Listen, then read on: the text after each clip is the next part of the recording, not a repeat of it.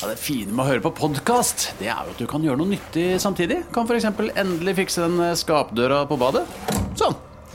Alt du trenger til enkelt vedlikehold hjemme, finner du på Three,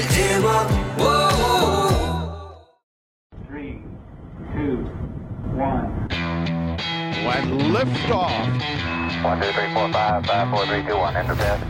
Okay, we checked all four systems, and there you go on modulation, all four, and keying with a go. Romkapsel har landet i eh, din virkelighet nok en gang, og ut stiger eh, Eirik Newt. Hei, hvordan føles G-kreftene denne dagen? Du, de kjennes gode. Vi er jo liksom nylig landet etter at vi snakket med minister i en ganske nylig sending. Så vi er, vi er ute og svever høyt, reelle gjester, eh, Nils Johan. Ja, eh, ikke for å legge noe press på dagens eh, gjest. Dette er jo da podkasten som eh, tar for seg absolutt nesten alt som eh, har noe med verdensrommet å gjøre. Eh, en litt sånn Ja, i, utgangspunktet så høres det søkt ut kombinasjon mellom Senterpartiet og verdensrommet er det nå. Eh, for det skal Altså, Forrige ukes gjest han var veldig opptatt av at nettopp at Senterpartiet ikke forsto romfart. Det var da Sveinung Rotevatn fra Venstre. Så, så kjør, kjør debatt hvis det er noen fra Senterpartiet der ute. Men ja, fortsett du, Nils Johan. Ja, jo takk. Hva, vad ut i denne myra. Ja, det er det jeg gjør. Nå, nå er det skitt opp til anklene, og jeg fortsetter å synke.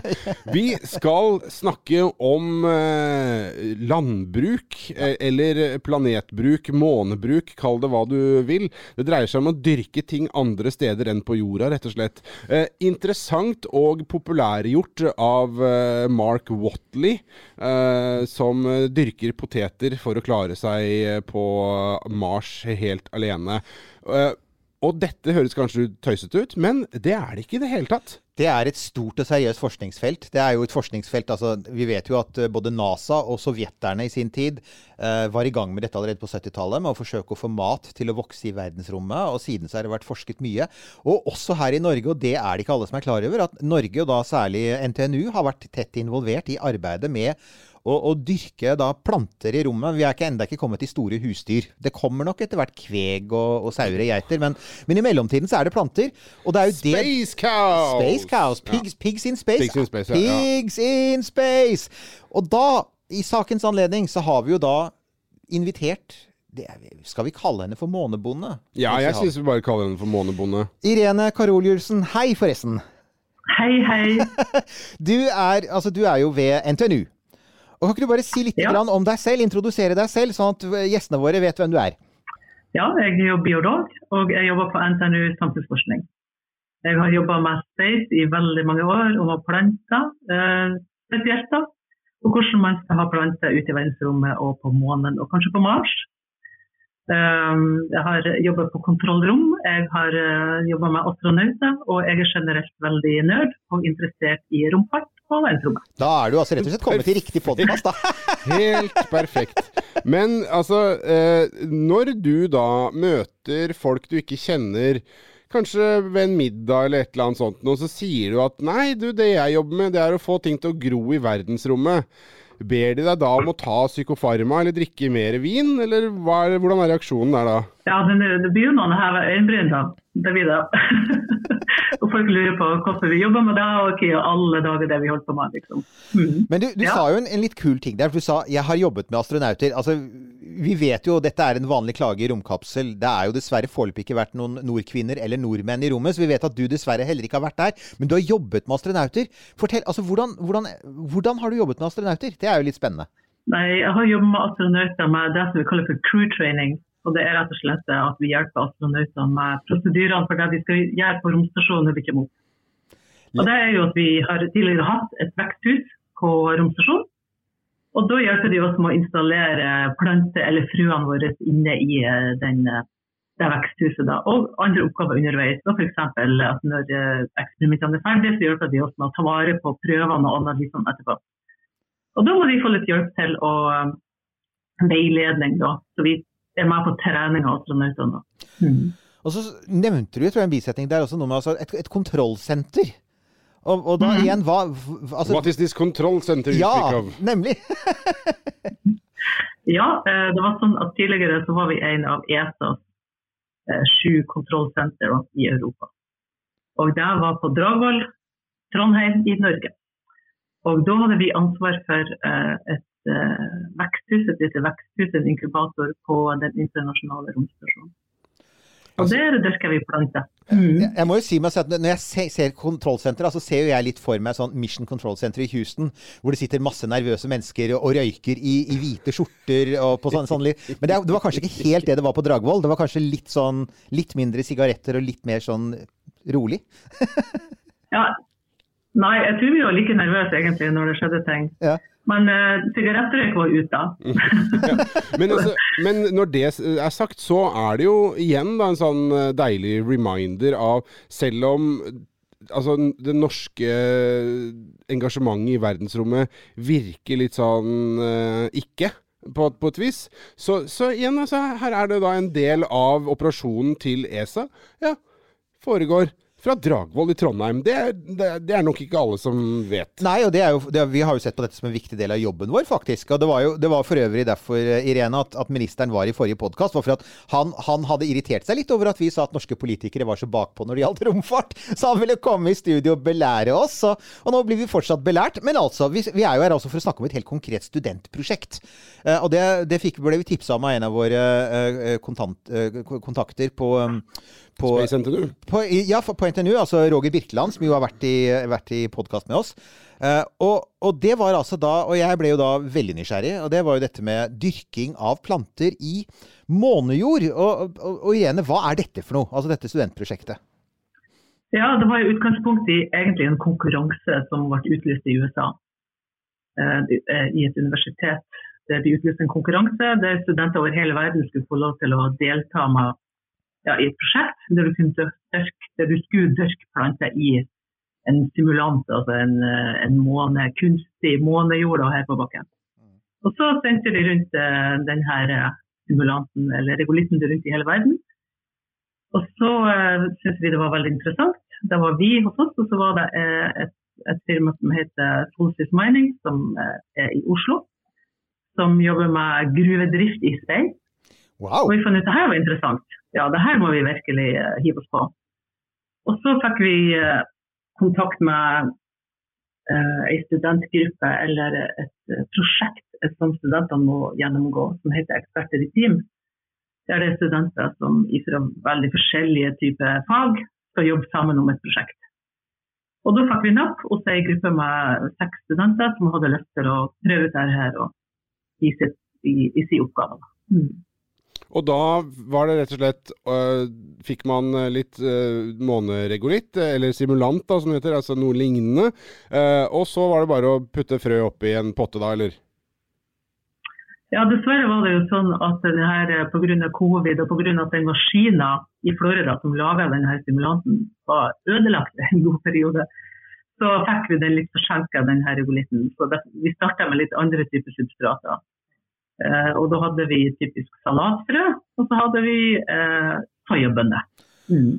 Du, forresten, altså, hvor mange var det som var involvert i dette prosjektet? Sånn, hvor, hvor stort var det egentlig? Det var seks studenter. Seks studenter, ja. Hvor lenge, var- Mm. hvor, hvor lenge varte det? Hvor lenge holder man egentlig på når man skal forsøke å finne ut av dette her? Hvor lenge prøver man? Ja, hvor lenge prøver man?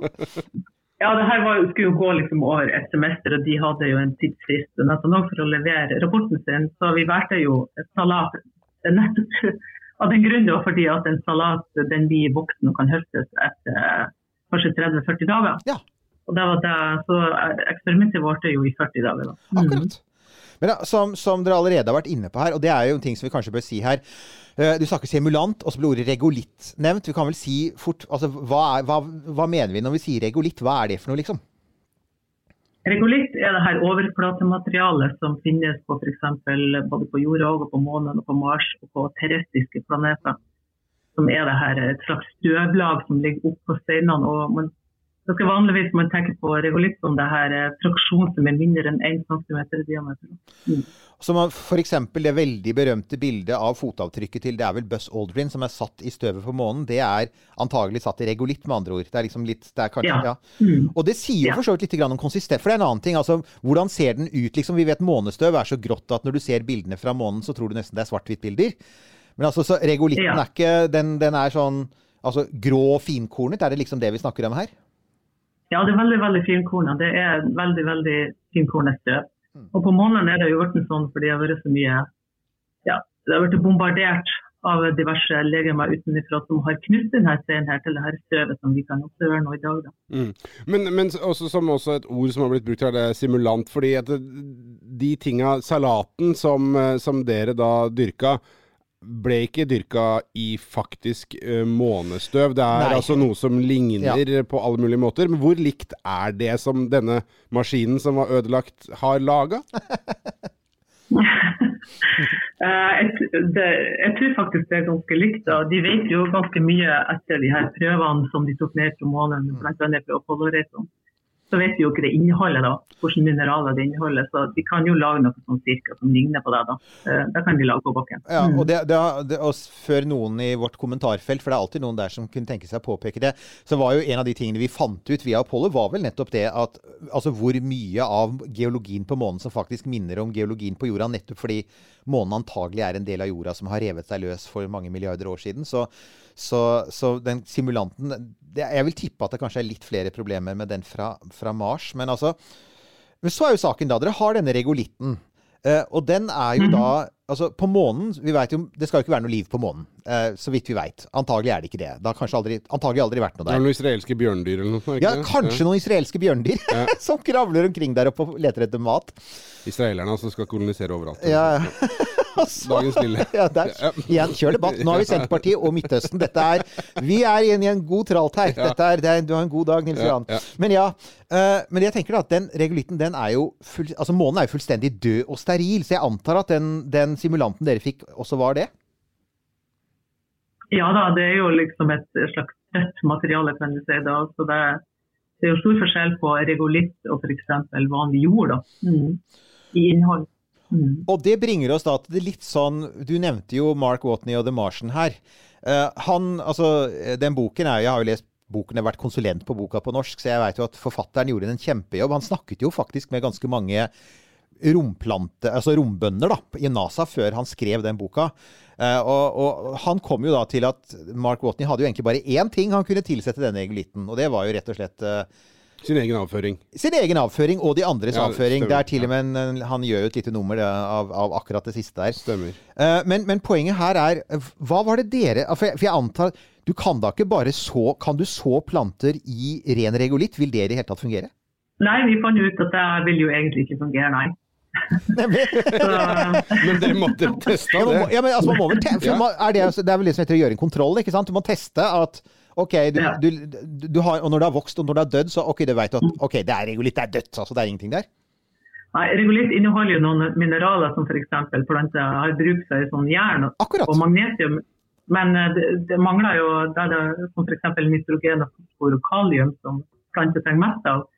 Der finnes det jo veldig veldig lite av i regolitt, så det mangler jo. Mm. Så en plante vil jo bli sjuk syk og elendig hvis at den måtte liksom eh, klare seg på en sånn diett. Mm. Så da kommer vi jo til det uunngåelige spørsmålet, da. Det som kanskje mange stiller seg nå. Ja, men hva, hvordan løste dere det, da? Gjorde dere Mark Watney-metoden, eller gjorde dere det på en litt mer eh, Delikat måte. delikat måte? Ja, du kan jo si, Vi brukte jo de samme næringsstoffene som i Mark Watney sin avføring. kan du si bare at Vi brukte kunstig gjødsel som Ja. vi blander ut i vann. Så vi tilsetter som eh, ja, vi er i normale veksthus, kan du si. da. Mm. Og da er jo det store spørsmålet eh, Har Yara et marked på månen? Ja, vet du, det, det har ikke jeg tenkt på. Det er et innmari godt spørsmål. Ja, vi kan jo spørre om de er interessert. For det funka. Det, det, da tilsetter kunstig gjødsel, og så blir det plantesalat. Nei, dessverre så er det litt flere ting som skal til for at en plante trives. Ja, ja, ja, ja, ja.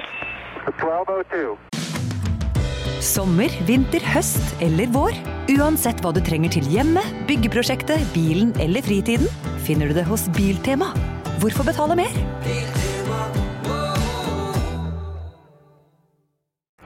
Vi, sådde, vi sådde salat. Det er en helt vanlig type som heter chili, som du kjøpte i butikken. Akkurat. Og den har jo en uh, livssyklus som er veldig kort. Den blir ferdig på sånn 30-40 dager, og det var grunnen til at vi valgte den. da. Jeg syns det er litt fascinerende at, at man tester da med helt vanlige planter. Altså ikke noe sånn space salad. ikke sant? Sånn, I 40 år har NASA utviklet en egen sånn Nei, Nei, nei, nei. Denne Genetikerne har drevet og laga et eller annet som, eh, som Ja, ikke sant? Ikke sant, Ja. sant, sant. Nei da, vi bare stikker bort på Rema og kjøper noe salat, og så stapper den ned og ser åssen det funker. Ja, det, det er bra. Men det er jo realistisk. Sånn Ja. må det være. Og så skulle jo disse plantene vannes, og, så, og da tenker man igjen Var dette drivhuset Var det et sånt high-tech-drivhus man liksom ser for seg at et, ja, et space-drivhus må være, da? Altså, eller var det sånn Nei, hver dag så var det en som hadde fått i jobb å gå og vanne og stikke fingeren i jorda og sjekke at ikke det var for vått eller for tørt? Nei, Vi løste det på en veldig veldig enkel måte med at vi lager sånne veker. Du tar rett og slett ullfilt som vi stakk ned i potten, sånn at uh, denne filten skulle dra opp vannet sjøl, sånn at studentene skulle slippe å komme og vanne hele tida. Mm. Da vil jeg si no to self, dette skal jeg huske på til neste gang. For her er jo, er noen av dere vet allerede. for Da jeg la ut denne saken på vår Facebook-side, så dukket opp flere lyttere som sa Men Eirik, har ikke du engang forsøkt å dyrke regolittet? Det har jeg jo. For noen år siden så kjøpte jeg Mars-simulant. Som er antagelig som månesimulanten, bortsett fra at den ser rød ut. da, For den er liksom litt lignende, skal være lignende Mars-jord. Og det, var jo, det største problemet var jo nettopp vanningen. Og, og, det var jo en ting som jeg oppdaget veldig fort. At når du skal vanne, når du skal vanne noe som i praksis er finpulverisert støv Du, Hva skjer da, Irene, når man har vann på det støvet?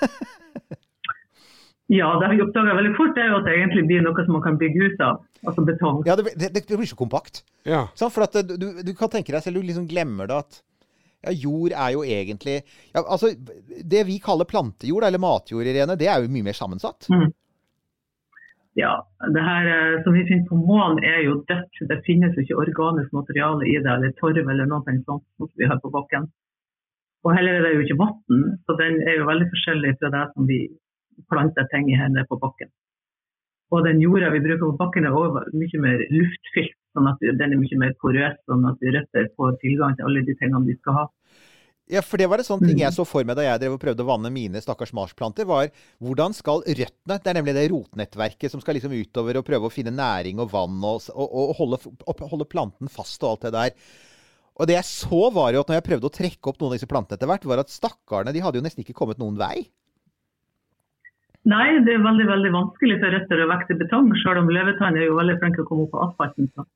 Det, det kan man jo bare bli under. Kanskje det er løvetann vi skulle ha gjort, da det jeg sitter og lurer på her nå, altså enten altså, hva man burde ha gjort løvetann altså, Du var jo ganske ambisiøs med poteter, var det ikke det? Jeg gikk jo full Mark Watney. Jeg har dyrket potet.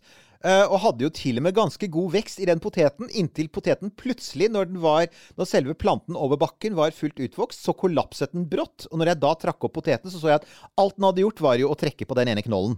Det var ingenting annet som hadde skjedd. For ja. at, den hadde bare liksom blitt til den, og det var nesten ikke noe rotnett i det hele tatt. fordi at igjen, regolitten var jo så kompakt, ikke sant. Så det var egentlig bare en stakkars potetplante som vokste i betong. Så, ja. så don't go there. Men Irene, ja. hvordan gikk det med salaten? Ja, hva skjedde? Ja, den salaten som vi hadde i vanlig substrat, for å kalle det vanlig substrat, og som gjorde, den ble jo fin og flott.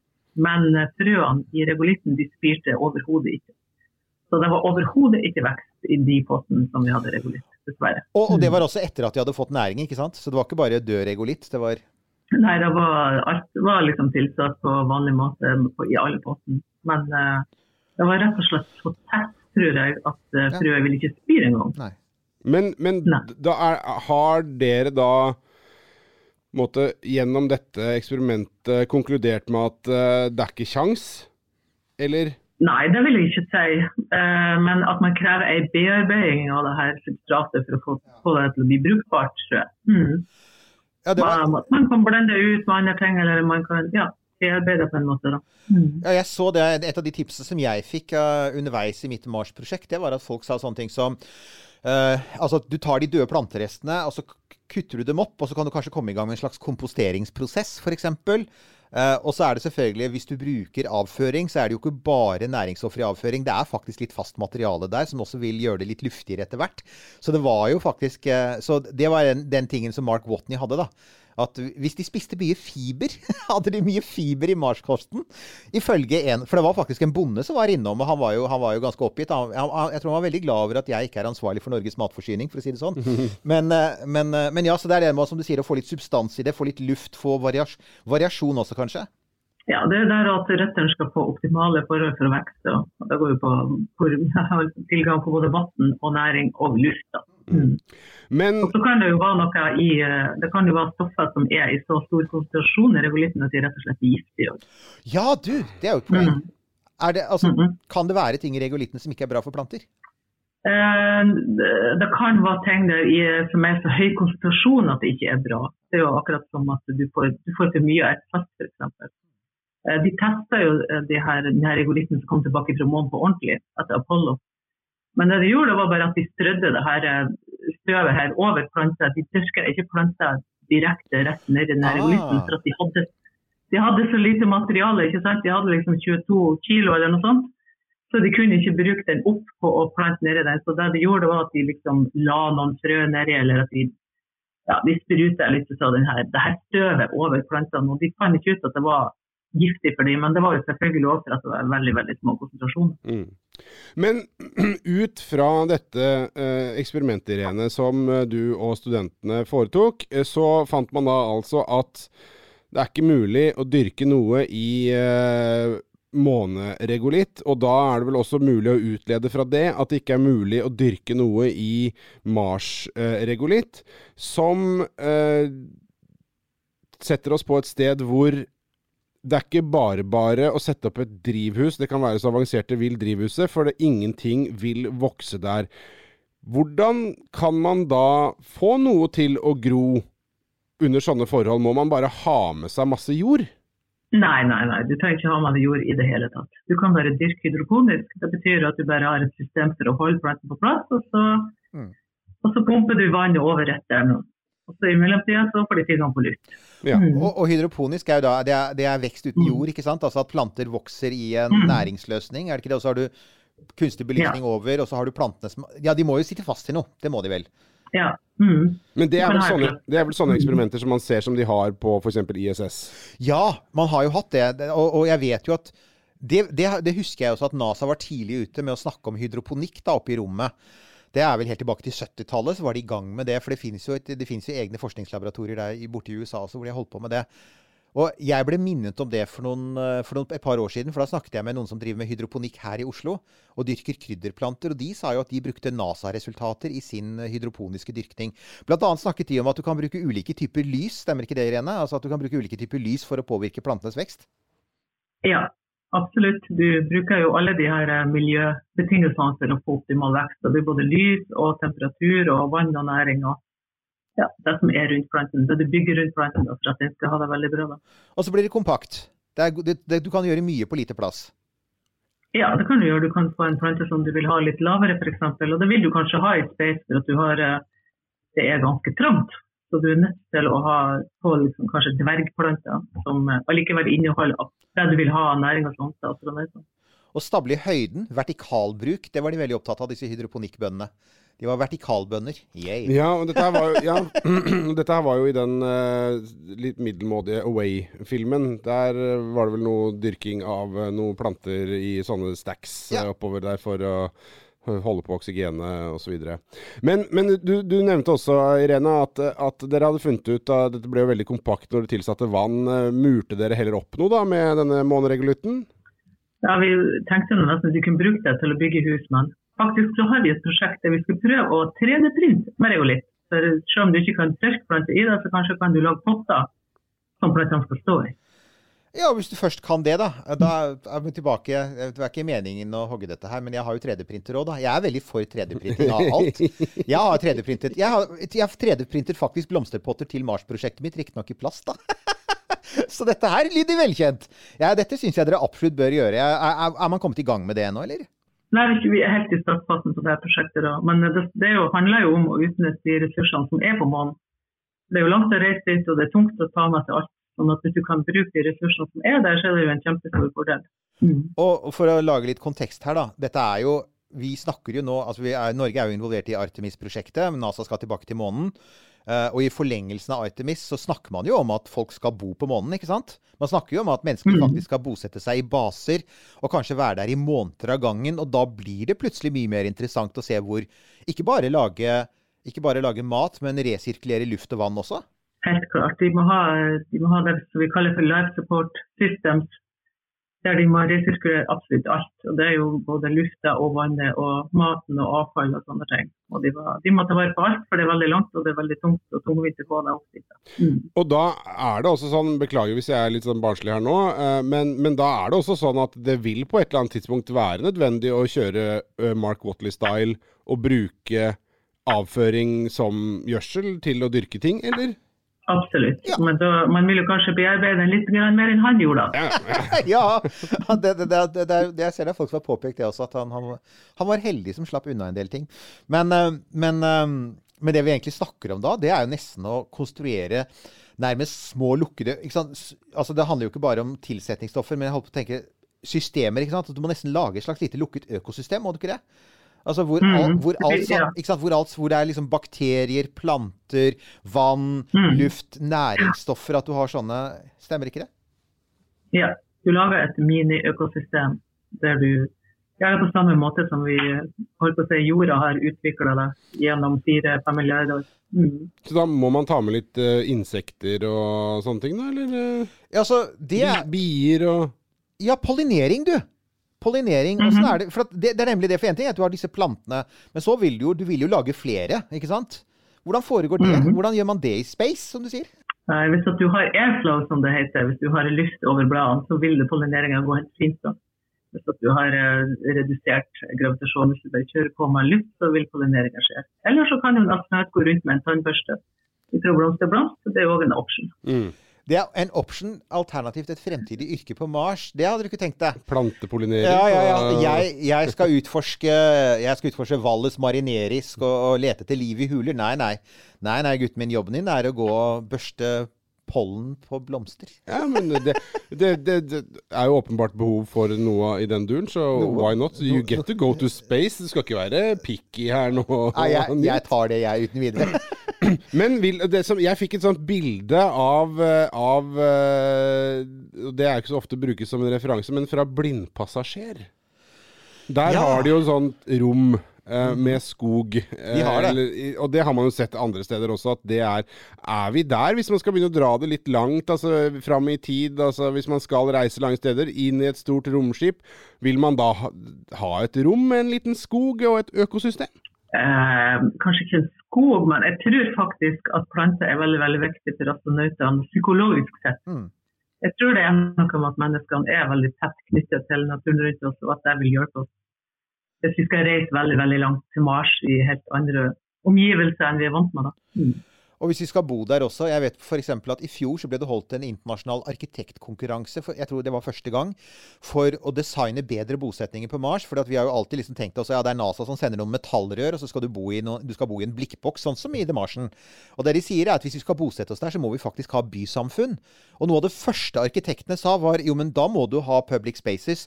Da må du ha fontener. Du må ha parker. Du må ha skoger. Du må ha plener. og så de begynte, og det var veldig interessant å se hvordan de øyeblikkelig begynte å tenke hvordan kan du lage store spenn? ikke sant? Hvordan, og ikke minst hvordan beskytter du disse parkene mot forholdene på Mars, da særlig? Uh, og det er jo et element i seg selv, Irene, dette med altså, Ja, én ting er at du kan jo dyrke dem innendørs, plantene, og det må du på månen og Mars. Men på månen har du en sjettedels tyngdekraft. Hva, altså, hva veit man om det? Er- Kommer planter til å oppføre seg For vi har jo dyrket masse planter i zero G, i, i, i, i, i, i vektløshet. Åssen er det med en sjettedels G, liksom? Med månen? Det er jo for det første en fordel hvis du får gravitasjon, for da er det litt lettere å holde vannet på plass. i hvert fall. Ja. Vanning av planter har vært en av de største utfordringene med dyrking av planter i mikro-G eller 0G. At det er veldig vanskelig å få distribuert vannet til alle røttene når det ikke er gravitasjon. Mm. Så det vil jo bli mye lettere. Og så er det jo sånn at Når det er mindre G, så trenger jo ikke plantene å kjempe så mye imot G-en. Så de kanskje vokser litt fortere på måneden enn de vil gjøre på bakken. her. Ja, du vil få høyere altså Det ser jo jeg også for meg, at du vil jo selvfølgelig få mye høyere planter. For de kan jo, de kan jo strekke seg høyere og, og raskere. Men det kan jo også ja, Det slår jo meg at det kan jo komme til å påvirke liksom, smak og konsistens. Det kan jo hende f.eks. at en månegulrot Ja, jeg satt Smaker- akkurat og hadde månegulrot Ja. i, eh, i hodet. En kjempelang, veldig porøs gulrot. Ja, er akkurat det samme! Jeg tenkte akkurat det samme! Hva tror du? Kan, vi, kan planter rett og slett bli litt annerledes? Altså, når amerikanerne eller kineserne eller hvem det nå er Fordi kineserne skal jo også bygge baser nå, sier de. En eller annen gang om 10-15 år. Altså, og de begynner å dyrke disse plantene. Kan de faktisk komme til å få litt, rett og slett litt annerledes smak, konsistens? Ja, det kan de. Vi vet jo at planter blir påvirka av eh, ja, sånn, ikke bare mikrogram, og alt det som har med at de er puttet inn i bitte rom og sånne ting. Så de blir påvirka. Helt klart at de blir, og innholdet i de òg blir påvirka, men ikke så mye at de f.eks. dør av det. Men vi vet jo ikke så mye om eh, Vi har jo ikke dyrka planter på månen annet enn det stakkars lille bomullsfrøet Ja. som kineserne sendte opp. Og den som, Så det er jo mye forskning som står igjen, da. Mm. ja, for du sa, du sa jo det, Nils Johan. Det er sånn, ja, det er noen eh, israelske bjørnedyr, men det er også en død kinesisk eh, bomullsplante på baksiden. vi, er, vi setter virkelig spor Men da oss. vet vi det, i hvert fall Irene, at uh, da har du jo litt å pusle med i åra framover også for en uh, romfa rombiolog. uh, kan, man, er, kan man kalle deg det? Rombiolog? Bedre det enn bon rombonde?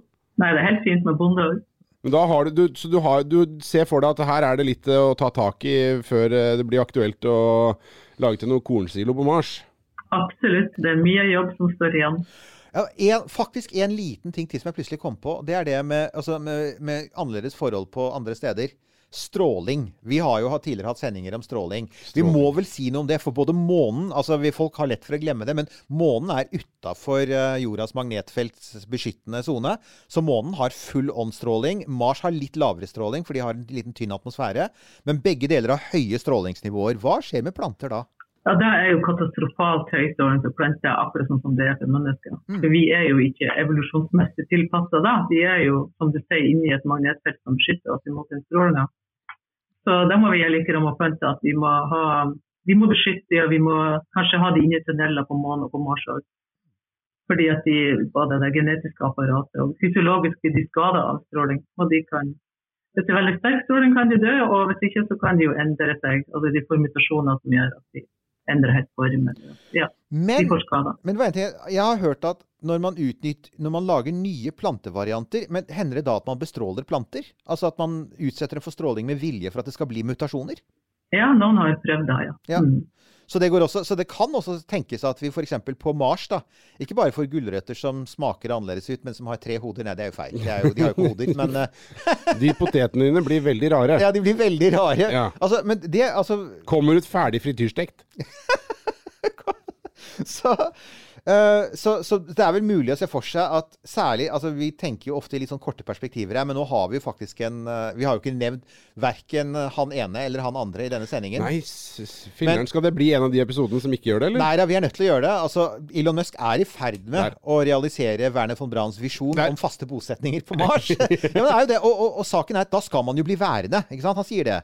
Mennesker skal bo der, og de skal bo der for alltid, for all fremtid. Men det, Irene, det betyr jo at da må vi kanskje også begynne å tenke at det oppstår helt nye varianter, nettopp fordi stråling og atmosfære og jordsmonn og alt er så annerledes. ikke sant? Det er jo, det er jo basic evolusjonslære, det. Ja da.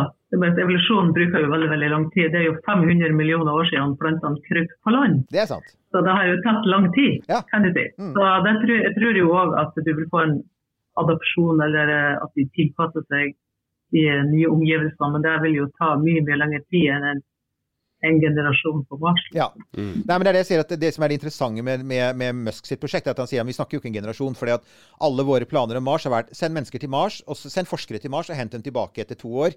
Det han sier er nei, nei, det er permanent. Hvilket vil si at ja, men en generasjon, det er ikke det vi snakker om. Vi snakker om tusen generasjoner. ikke sant? Og da er det plutselig interessant å tenke OK, er vi i ferd med å, å lage et, egentlig et separat økosystem basert på jordøkosystemet, men så kommer jo det da til å gå sin egen vei, liksom. Når vi transplanterer Ja. ikke, sant? Ikke, bare, ikke bare astronauter og deres frysetørkede mat, men vi transplanterer komplette systemer. Jeg tror Det er det, det var egentlig det jeg ville fram til. At det er en ny tanke. ikke sant? At vi tar ikke bare astronautene og maten deres, vi tar faktisk planter, insekter, bakterier. ikke sant? Alt som hører med. da, Og da setter vi jo i gang en mye større prosess enn at vi bare er innom Mars og henter noen steiner. Ja, det er jo kjempestor forskjell, det du sier nå. Og Det er jo derfor vi tror at hvis vi skal overleve, så må vi lage et lignende system som det vi har på bakken, med det økosystemet vi har på jorda. Men kanskje vil det systemet endre seg til å tilpasse seg mye bedre Mars etter hvert. da. Mm. Og at etter hvert så blir de faktisk Marsboere, og Marsboerne er oss. Ja. Nei, men vet du hva? Eh, jeg får altså eh, en setning i hodet som er Space is hard. Farming in space is even harder.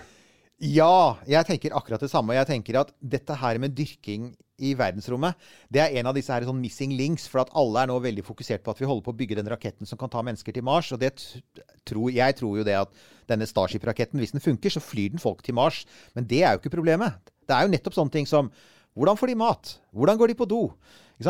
Hvordan får de energi? Disse tingene er jo ikke løst. Og det er jo det som er så spennende med dette prosjektet på NTNU, tenker jeg, og lignende over hele kloden, er at man kommer jo ikke, man kan ikke bli værende på Mars hvis ikke man løser dette. Eller hva tenker du, Irene? Nei, jeg er enig med deg. Da. Jeg tenker at Den aller største utfordringa er jo strålinga som de blir utsatt for de ni månedene når de skal reise dit. Jeg tror jo helt klart at vi greier å lage en rakett som kan eh, få de dit, men hvordan skal man beskytte underveis? Og hvordan skal man beskytte på, Når de kommer til Mars, så kan de jo antageligvis kanskje lage seg en tunnel og gjemme seg, men det er jo reisen dit og tilbake, hvis de skal tilbake, som, som vil være ekstremt farlig for oss. Mm. Og, og for biologisk materiale i det hele tatt. Ja, space is hard, altså. Space is hard and dangerous. Ja, and hard. Ja, ja, det. Nei, men Så det er, det er litt grann å finne ut av før eh, man setter seg øverst eh, på Starship og sier 'Mars, here I come'. Ja, jeg tror det. Jeg, jeg, har- som jeg har sagt det før, jeg sier det gjerne igjen. Jeg skal ikke med i første runde, i hvert fall. Det skal jeg ikke. Men, jeg, men å, å ende mine dager som blomsterpollinator på Mars? Ja! Ja, det, det fins verre ting.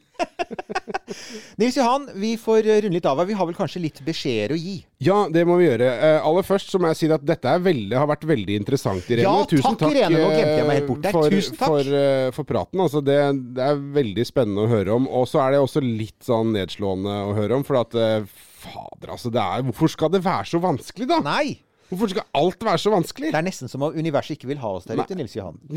Ja, man får litt inntrykk av det.